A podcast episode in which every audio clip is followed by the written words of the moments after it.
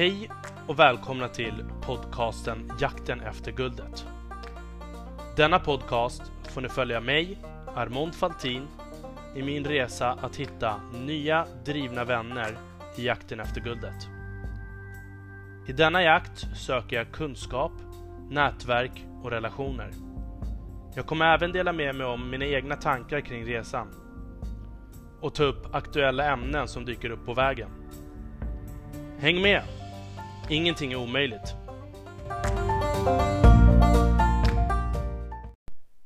Hej och välkomna allihopa till Jakten efter guldet. Det här är avsnitt 63 och eh, jag har haft lite funderingar på vad är det här för podcast egentligen? Är det, är det en livsstilspodcast? Men är den låst till en viss livsstil eller är det bara drivna människor? Och jag vill ändå fortfarande säga, även om jag har eh, haft intervjuer på människor som driver bolag eller är framgångsrika på andra sätt, eh, alltifrån poddar till föreläsare och författare och så vidare, så vill jag ändå i grund och botten intervjua människor med driv det här avsnittet hade jag tänkt att prata lite om senaste trender. Om vad jag tror om de här trenderna och lite runt omkring och lite annat eh, smått och gott. Och någonting som jag ändå har haft funderingar på som jag tycker är väldigt grymt och det är när det kommer fram sådana här trender som ska skapa nya beteenden och hos människan och samtidigt liksom förändra en hel marknad. Och en ny trend som jag verkligen eh, har fått upp ögonen för det är ju parfymbranschen. Det är ju så att det har ju kommit fram nu eh, tre stycken företag som jag tycker på svensk marknad vad det gäller parfym som sticker ut rejält och eh, riktigt coola människor bakom de här eh, balla företagen. Och det är så här. Den nya trenden inom parfymbranschen. Det har ju varit så att i parfymbranschen de senaste, jag vet inte vad, hur många år, kanske 30-40 åren så har det varit väldigt stora kommersiella företag som har drivit parfymbranschen framåt. Och samtidigt så har de använt sig av samma experter som då har tagit fram data på vilka dofter är det människor tycker om bäst? Och så har de haft ungefär samma produktion och liksom bestämt sig specifikt för det är de här parfymerna som ska släppas. Och så har de sålt ungefär samma parfymer under en väldigt lång tid och det har varit väldigt svårt för så här uppstickare att komma fram. Men nu har det kommit fram en ny trend. Och den nya trenden är att sälja parfym på prenumeration. Så att du får hem parfym, jag vet inte vad, kanske var tredje månad eller varje halvår eller månad. Jag har ingen aning exakt om hur det är. Det här är ganska nytt och jag har faktiskt inte kikat eh, mer noggrant på det. Jag har mer läst på om bakgrunden om eh, företagets story och deras vision och deras kultur och värdegrund. Varför de liksom skapar det de skapar och vad deras kultur är. Och eh, det spännande är att förr så gjorde man ju liksom unika flaskor. Så hade du dina smaker och liksom du sålde på hela konceptet runt omkring för att fånga din målgrupp. Och det här är också någonting som jag har tänkt på. För att jag har ju själv, när man får till exempel parfym i present eller någonting sånt av någon och så kanske man inte tycker om den doften riktigt men ändå liksom är fast med den parfymen ett bra tag. Det är någonting som jag själv har varit med om. Jag har ju fått eh, jag vill inte säga när jag har fått så man hänger ut någon men, men, jag har fått två parfymflaskor i alla fall. Uh, det här var ett väldigt bra tag sedan som jag har bytt ut med min kusin. För han har också fått parfymer av någon annan och så har vi bytt för att vi tycker inte om våra egna dofter och så har vi bytt med varandra och det har liksom passat bättre. Och det är det jag tycker om med det här nya konceptet. Det nya konceptet handlar om att du ska inte sälja på flaskan och ha en unik flaska utan det ska bara vara en enkel flaska ungefär lika stort som ett finger. Där du får kanske tre tester som skickas hem till dig med dofter efter din kultur som du liksom identifierar dig själv med. Och det kan vara allt ifrån, ja men okej okay, jag är en eh, jag är en estetisk person eller du är uh, en person med mångkulturell bakgrund och eller du är någon person som liksom tycker om exklusivitet aktivitet. Det finns liksom olika genrer här som du liksom kan klicka in på att du vill få hem. Och i de här genrerna då får du liksom tre tester säger vi. Och så får man se vilken doft det är du faktiskt tycker om. Och de här burkarna de är lite mindre också än de vanliga och, men de är fortfarande lite större än de här absolut minitesterna som man brukar få. Så att du faktiskt får hem parfym och kan testa vilken parfym det är du tycker om. Och jag tycker också om det här med när man väl har en parfym och så går du in i ett rum och så ska du lämna ett kraftigt avstamp av oh shit, nu har den här personen varit här inne. Gud vad gott det doftar. Men vem är det? Och så ser du ingen där. Men fortfarande har du lämnat ett avtryck i rummet när du liksom har vandrat därifrån. Och jag tycker att det här är väldigt intressant för jag har ju faktiskt en granne som är sådär. Som lämnar ett kraftigt avstamp. Jag behöver inte ha sett honom eller hört när han är där.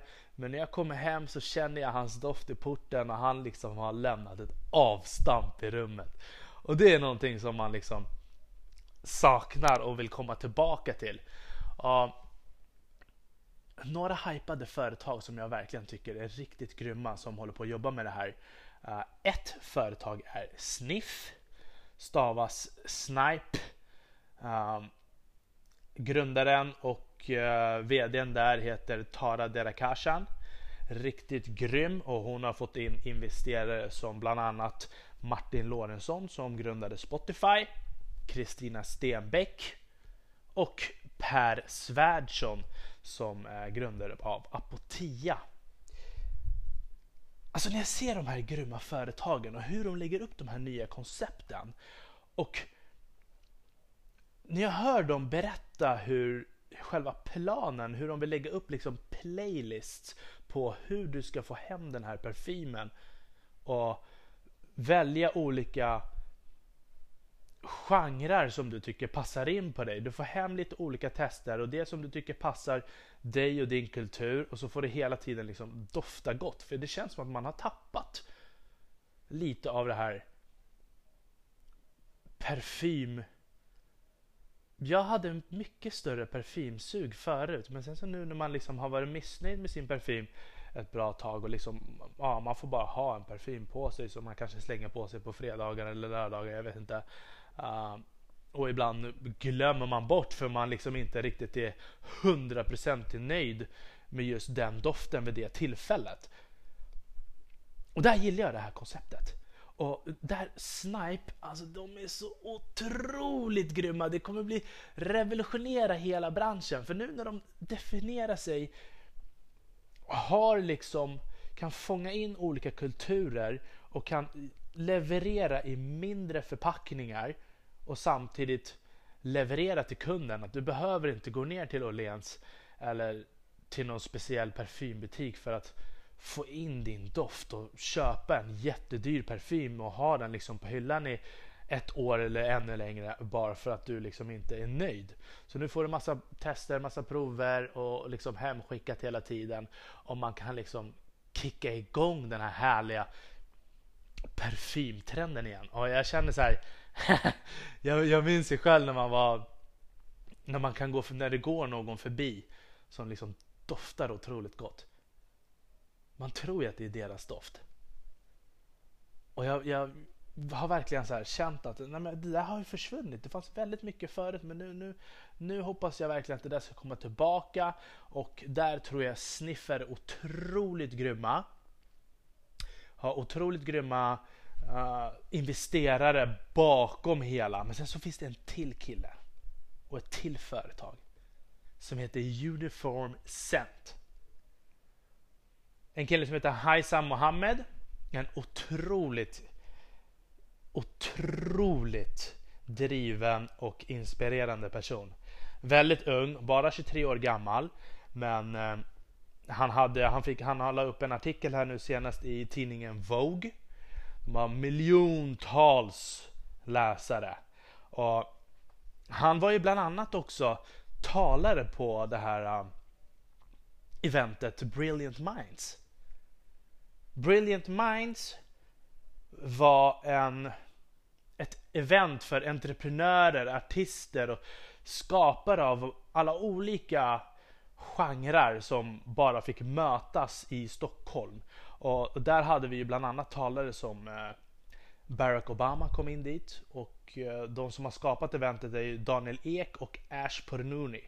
Ash Pornouni var Aviciis gamla manager och Daniel Ek, ja, det är han som grundade Spotify.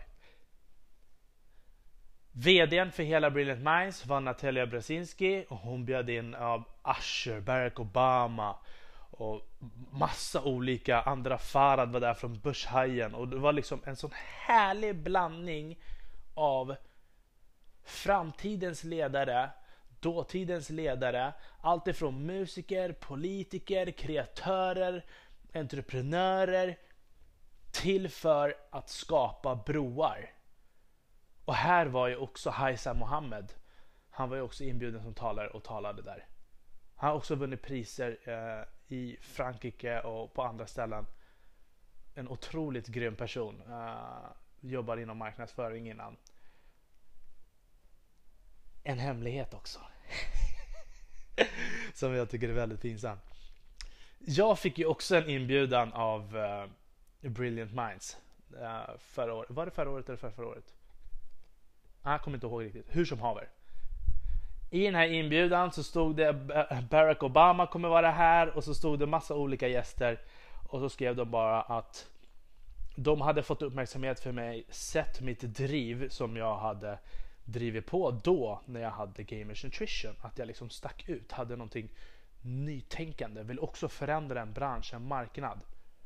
Och grejen med Gamers Nutrition var vi var ju nytänkande. Vi hade ju ett tänk på att, men herregud, vi tror att framtidens tv-spel kommer handla om allt ifrån prestation, att du måste vara i toppform när du väl sitter stillasittande och spelar. Då måste du vara en high alert. Du måste ha god kondition, du måste ha styrka så blod, blodet flödar i kroppen. Men vi hade också ett ännu längre framtänk om att faktiskt i framtiden så tror vi att när du går in i spel så kommer du ha sensorer kanske på kroppen eller någon kamera på tvn som läser av dig exakt dina egna rörelser när du går in i de olika tv-spelen så att du behöver vara i god fysisk form. Du måste kunna kanske använda ett svärd eller kunna slåss på riktigt och vara snabb så att du liksom det handlar om dina egna egenskaper. Och där var vi lite för tidiga hur som haver. När, vi fick den här, när jag fick den här inbjudan, uh, chansen på att liksom skriva eh, en föreläsning till dem som jag ville ha och uh, om de godkände den föreläsningen så skulle jag få vara med. Jag var alldeles för rädd för att skicka in det. Då hade vi precis avslutat Gamers Nutrition. Jag visste inte riktigt, men vad ska jag prata om? Jag hade förlorat mina delägare. Jag var själv väldigt disträ om visionen och hur jag liksom skulle göra. Det fanns massa andra saker runt omkring som gjorde att jag liksom jag var inte tillräckligt fokuserad. Så jag bangade på den. Men vid det tillfället så hände någonting annat. Jag kände så här. Jag ska fan aldrig mer inte vara beredd på att kunna ta sådana här tillfällen i akt. Hur fan kunde jag tacka nej till ett sådant erbjudande? Jag kunde ju ha gått upp på scenen och skämt ut mig i alla fall. Vad spelar det för roll om jag får träffa alla människor? Men sen så lät jag rädslan begränsa mig och jag visste att det fanns så himla mycket människor där som jag kände, som jag såg skulle komma dit, som jag så, sen såg var där, föreläste eller bara satt där och njöt av showerna och hela eventet som var. Och det missade jag på grund av rädsla och att jag kände att jag var inte förberedd mentalt. Eller att jag inte hade visionen tillräckligt klar. Jag skyllde på massa andra saker runt omkring som jag trodde liksom, jag är, jag är inte redo, jag, jag, vad ska jag säga? Men där fick jag i alla fall en nytändning. Och nu, oavsett vad, så kommer jag fan inte låta någonting hindra mig. Hur som haver. Haisam Mohammed, Uniform sent. Han har fixat en vegan, cruelty free parfym där de liksom riktar in sig på den mångkulturella bakgrunden. Och jag kan inte berätta hans story helt och hållet för den, den får han själv berätta. Jag har faktiskt skrivit till honom och jag hoppas att vi ska ha honom i podden här i framtiden.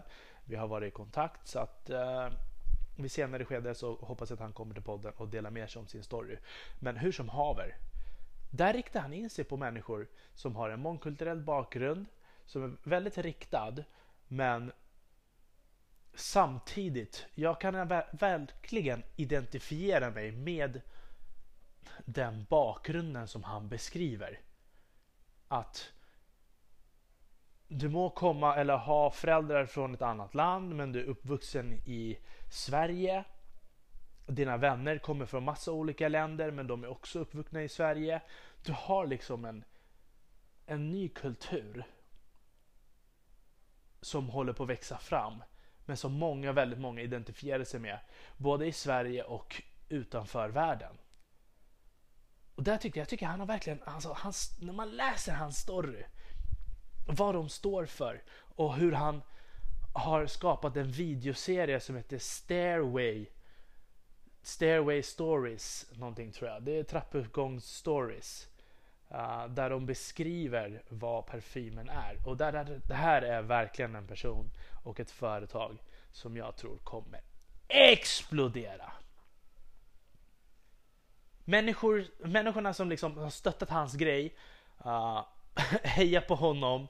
Det är andra entreprenörer, höga investerare, alltså top notch i Sverige. Och jag bara vet att det här kommer bli något riktigt grymt. Och, mm, och sen så har vi ett annat företag också. Som heter NOS. NOS, förkortning på Nordic Scent. Det är en AI-baserad parfym. Där de liksom ska konstruera fram en doft beroende på vem du är som person. Och Det är också väldigt intressant. Alltså jag tycker om när man har flera företag samtidigt som har samma vision av en förändring som man vill skapa. Men alla har sin egen grej. Och på ett sätt ändå samma tema.